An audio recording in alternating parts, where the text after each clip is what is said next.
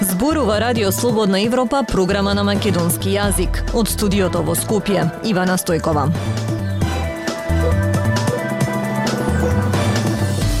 Почитувани, во оваа емисија ќе слушате. Струјата за најголем дел од домакинствата ќе поскапи за 7,4% од 1 јули. Францускиот предлог и предвремените избори главни теми на пратеничките прашања. Како дарувањето на коскена срцевина може да спаси нечи живот. Наши економски проблеми. Ние разговараме за решенија на Радио Слободна Европа. Струјата за најголем дел од домакинствата ќе поскапи за 7,4%, соопшти денеска председателот на регулаторната комисија за енергетика Марко Бислимовски, но не ја кажа конечната цена за киловат час што ќе ја плаќаат граѓаните. Срген Стојанчов има повеќе на оваа тема. Струјата од 1 јули поскапува, граѓаните ќе треба сами да си пресметаат за колку. Председателот на регулаторната комисија за енергетика Марко Бислимовски рече дека за 98,8% од домаќинствата струјата ќе поскапи во просек за 7,4%, но не ја соопшти конечната цена што домаќинствата ќе ја плаќаат. До сега регулаторната комисија ја соопштуваше конечната цена за киловат час што треба да ја платат граѓаните. Од 1 јули за прв пат се воведуваат 4 блок тарифи во скапа струја. Првиот најефтиниот е до 210 киловат часа, вториот од 210 до 630 киловат часа, третиот уште поскап од 630 до 1050 киловат часа и четвртиот над 1050 киловат часа месечно кој е најскап. Бислимовски рече дека струјата во првиот блок поскапува за 5,5%, во вториот за околу 10%, во третиот за 18% и во четвртиот за 138%. Ефтината струја поскапува за 8,7%. Регулаторната комисија на својот сајт ги објави само цените на струјата, но во сметките на граѓаните стигнуваат конечни цени во кои е пресметана и мрежарината. За 98,8% од домаќинствата просечната цена ќе се зголеми за 7,4%. Нашите пресметки за цената на струјата може да ги видите на нашата интернет страница slobodnaevropa.mk. За тие што трошат помалку струја, покачувањето нема да биде толку големо, но поголемата потрошувачка ќе значи и поголемо поскапување. Секој киловат час над границата од 1050 киловат часа скапа струја ќе се плаќа скоро 2,5 пати поскапо. Регулаторната комисија за енергетика на почетокот на овој месец најави воведување нова методологија за тарифирање на струјата во скапа тарифа. Предходно регулаторната соопшти дека само 17 домаќинства најголеми потрошувачи трошат струја колку дури 80.000 просечни семејства. Дел од нив загреваат огромни базени, а за дел постои сомнеш дека копаат криптовалути или ја користат струјата за бизнис. Во првичниот предлог блоковите беа поставени на 210, 420 и 630 киловат часа скапа струја месечно, но така испаѓаше дека тие што се греат на струја ќе добијат сериозно повисоки сметки. По бурните реакции во јавноста, висината на блоковите претрпе промени. Например, од сега, ако едно семејство потроши 1100 киловат часа скапа струја месечно, тогаш првите 210 киловат часа ќе ги плати по една цена. Наредните 420 по повисока, третите меѓу 630 и 1050 по повисока цена и оние 50 киловат часа над границата од 1050 ќе ги плати по цена слична на индустриската. Слободна Европа. Следете на на Facebook, Twitter и YouTube. Предвремени избори, преговарачката рамка со Европската унија и македонско-бугарските односи, продажбата на топлификација, енергетската криза, како и економските последици од војната во Украина беа дел од собраниските теми за расправа на пратеничките прашања во законодавниот дом. Зашто друго расправаа пратениците повеќе од Зорана Гаджовска-Спасовска. Оставка од премиерот Димитар Ковачевски побара пратеникот од опозицијската ВМРО ДПМН Александар Николовски на пратеничките прашања во собрание. Според него погрештата на дворешна политика со Бугарија со кој како што вели директно се негира македонскиот национален идентитет, македонскиот јазик, култура, историја и традиција како и македонскиот народ. Лошото справување со економската криза, сумнителните тендери и вештачкото одржување на владачкото мнозинство се доволно добри причини за одржување на предвремени парламентарни избори. Ковачевски кусо одговори дека Не, не треба да има предвремени парламентарни избори. За причините зошто не треба да ги има, тој од собраниската говорница посочи дека оваа влада, како што вели, се грижи за традиционалните национални интереси и дека тоа го направила честно и транспарентно во Европската престолнина. Тој како контрааргумент кон опозицијата во однос на одбраната на националниот интерес го посочи Конгресот на Европските народни партии, каде што, како што вели тој, била донесена резолуција во која се вградени барањата во однос на негирање на националниот и историскиот континуитет на македонците. Таа резолуција носење присуствуваше делегација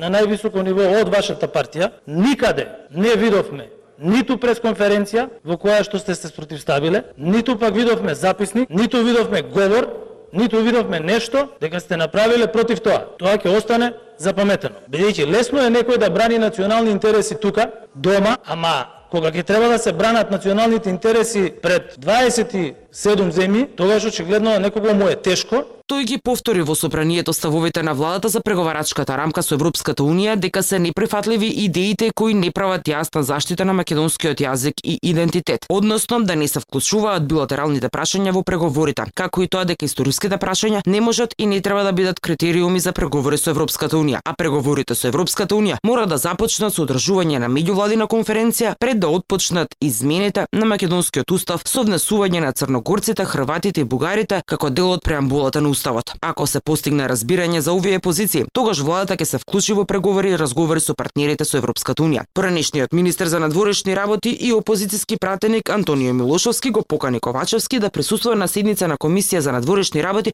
заедно со неговиот предходник Зоран Заев и со поранешниот министер за надворешни работи Никола Димитров, за кој како што вели води јадни преписки со неговиот наследник Бујар Османи. Оваа седница би имала за цел да го разгледа оној предлог кој што вие го одбивте во Брисел во форма таква каква што е, неофицијална. Ковачевски се согласи на ова барање на Милошовски, но побара да се дополни листата на гости. Не би било фер да се а, да се изолира поканата му на неколку луѓе, туку сметам дека вие како председател на комисија за за надворешни работи, ако сметате да правите таква јавна расправа, треба да ги викнете сите премиери на државата. Еле нема да може да дојде пошто е пошто е устранство, меѓутоа еве дописно ќе се обрати.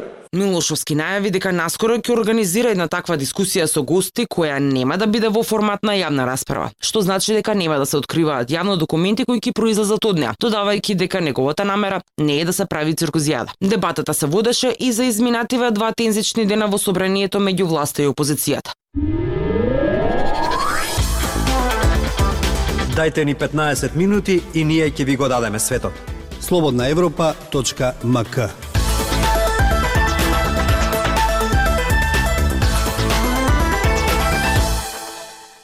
Советниците од опозицијската СДСМ во општина Битола обвинуваат за партиски вработувања во општината. Тврдат дека за 6 месеци се вработени 20 партиски војници и велат општината е претворена во штаб на ВМРО ДПМН. Советниците од ВМРО ДПМН пак негираат. Повеќе од Жанита Здравковска. Кавга меѓу советниците од локалното мнозинство предводено од ВМРО ДПМН и опозиционата СДСМ во Советот на Битола за нови вработувања во општината. Според СДСМ, за 6 месеци се вработени 20 партиски војници и велат општината е претворена во штаб на ВМРО ДПМН, а овие пак одговараат дека лицата се ангажирани преку агенција за вработување поради пензионирање на сегашни вработени. Имате преку 20 партиски тука вработени, а не експерти во некаква област. Кажете дека на општина Витола направена анализа му се потребни 2, 3, 4, 5 експерти од тие области. И донесете ги тука да ги поминеме како системација за проширување и вработување во 2022 година, бидејќи тие луѓе треба да служат за работа во општината во најдите 3 или 4 години. Ке ги поминеме. Луѓе професионалци, меѓутоа не 20 партиски вработување. Предходно тука зборавте општина Витола е пренатрупана. Е, ај сега да споредиме дали е беше пренатрупана тогаш или сега ја наполнивте. Постави прашање до на комисија за финанси, во која добив одговор дека имаме тројца ново вработени. Официјално добив одговор на мене, срамота е. Значи штаб на ВМРО ДПМН ја претворивте општина Битола за 6 месеци. Штаб е штаб. Рече советникот Методија Илиевски. Тој коментираше добро знае битолската јавност дека во општина Битола е работен некој шеф на урбанизам од Ресе, што има направено и кои се предвижувањата во делот на урбанизмот и кои се резултатите од неговата работа. Советникот Бурче Корлевски од СДСМ праша. Значи кога ќе дадат наред комунален, градешен инспектор, инспектор за животна средина, нешто што ќе му помогне на граѓаните, на советот, во справување со сите потреби на граѓаните, меѓутоа и се она што ќе ја донесе локалната самоуправа на едно поквалитетно ниво. Бојан Бојковски, советник од ВМРО ДПМН, одговори дека 20 лица се ангажирани преку агенција, што било пракса и за време на предходната локална власт предводена од СДСМ. За оние 20 работуваја кои што зборувавте, а не е точно дека тие се вработени, односно тие се ангажирани како што вие ги ангажиравте изминатите години 20 лица по агенција за вработување, бидејќи оние кои што заминуваат, природно е дека треба да се земат лица што ќе работат во нив, да се да научат работата и подоцна се да превземат работата, да нема кочење на процесите. Посочи дека на овој начин порано се ангажирале курири кои добро не си ја вршеле својата работа. Случила шест договори за курири, доставувачи преку приватна агенција. На ангажираните курири им исплатена плата за месец февруари март 2020 година. Иако е евидентно дека не вршеле достава на решенијата за вработување, 35% од скупниот број на решенија не биле доставени до врзниците. Рече Бојковски. Актуелности свет на Радио Слободна Европа. Лидерите на НАТО оваа недела ќе разговараат за тоа како да се балансира растечката закана од кинескиот воен напредок и новите сајбер способности, како и глобалната криза, вклучително и загриженоста за храна и енергија, со опасностите од Русија и војната во Украина. Светските медиуми ги анализираат варијантите како НАТО на самитот во Мадрид ќе опише Кина, како противник или како системски предизвик. Повеќе од Емил Златков. На Мадридскиот самит НАТО би можел да ја означи Кина како системски предизвик за безбедноста на членките во документот на така наречениот стратегиски концепт кој ги дефинира приоритетите на алијансата за следната деценија. Во предходната верзија, објавена во 2010-та, не се споменува Кина, додека во новата внимателно се размислува за дефинирање на безбедносните прашања поврзани со Кина, за да се избегне реторика која некои сојузници би ја сметале за премногу запалива, пишуваат светските медиуми. Пекин ќе биде опишан како предизвик за нашите интереси, нашата безбедност и нашите вредности, кога 30 лидери на НАТО ќе се договорат за стратешкиот концепт на алијансата до 2032 година, пишува Financial Times. Водачите на НАТО оваа недела ќе разговараат за тоа како да се балансира растечката закана од кинескиот воен поредок и новите сајбер способности, како и глобалната криза, вклучително и загриженоста за храната и енергијата, со опасностите од Русија и војната во Украина. Стратешкиот концепт е многу повеќе од Русија, што го одразува фактот дека сме многу свесни за Кина, изјави генералниот секретар на НАТО Јан Столтенберг за Financial Times, нагласувајќи дека очекува сојузниците да се договорат за јасна формулација во врска со Кина како нов елемент испуштен од претходниот стратегиски концепт на НАТО. Официјални представници на НАТО кои подготвија 10 годишна стратегија пред тридневниот самит во Мадрид има интензивни дискусии за Кина, изјавија за лондонскиот вестник луѓе запознани со процесот, што ги одразува економските врски на членките на НАТО со Пекинг и различните перцепции за заканата од Кина. Официални лица исто така укажуваат на напорите на Пекинг да пропагира руски дезинформации за војната, како што се негирање докази за руски воени злоцорства во Украина или отфрлање на тврдења дека Русија ги спречува товарните бродови да извезуваат украинска пченица и ги нарушува глобалните пазари на храна. Стратегискиот концепт е најважниот документ на НАТО од Северноатлантскиот договор од 1949 што значи дека нападот врз една членка се смета за напад врз сите, подсетува Associated Press. Сојузниците нема да одат толку далеку и Кина да ја нарекуваат противник и би можеле да се согласат да останат отворени за ангажман со таа земја.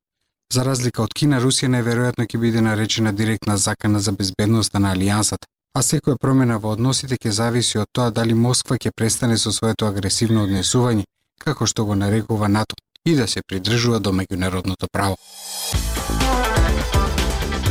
Тоа беше се во вестите на Радио Слободна Европа од студиото во Скопје со вас беа Ивана Стојкова и Дејан Балаловски. До слушање.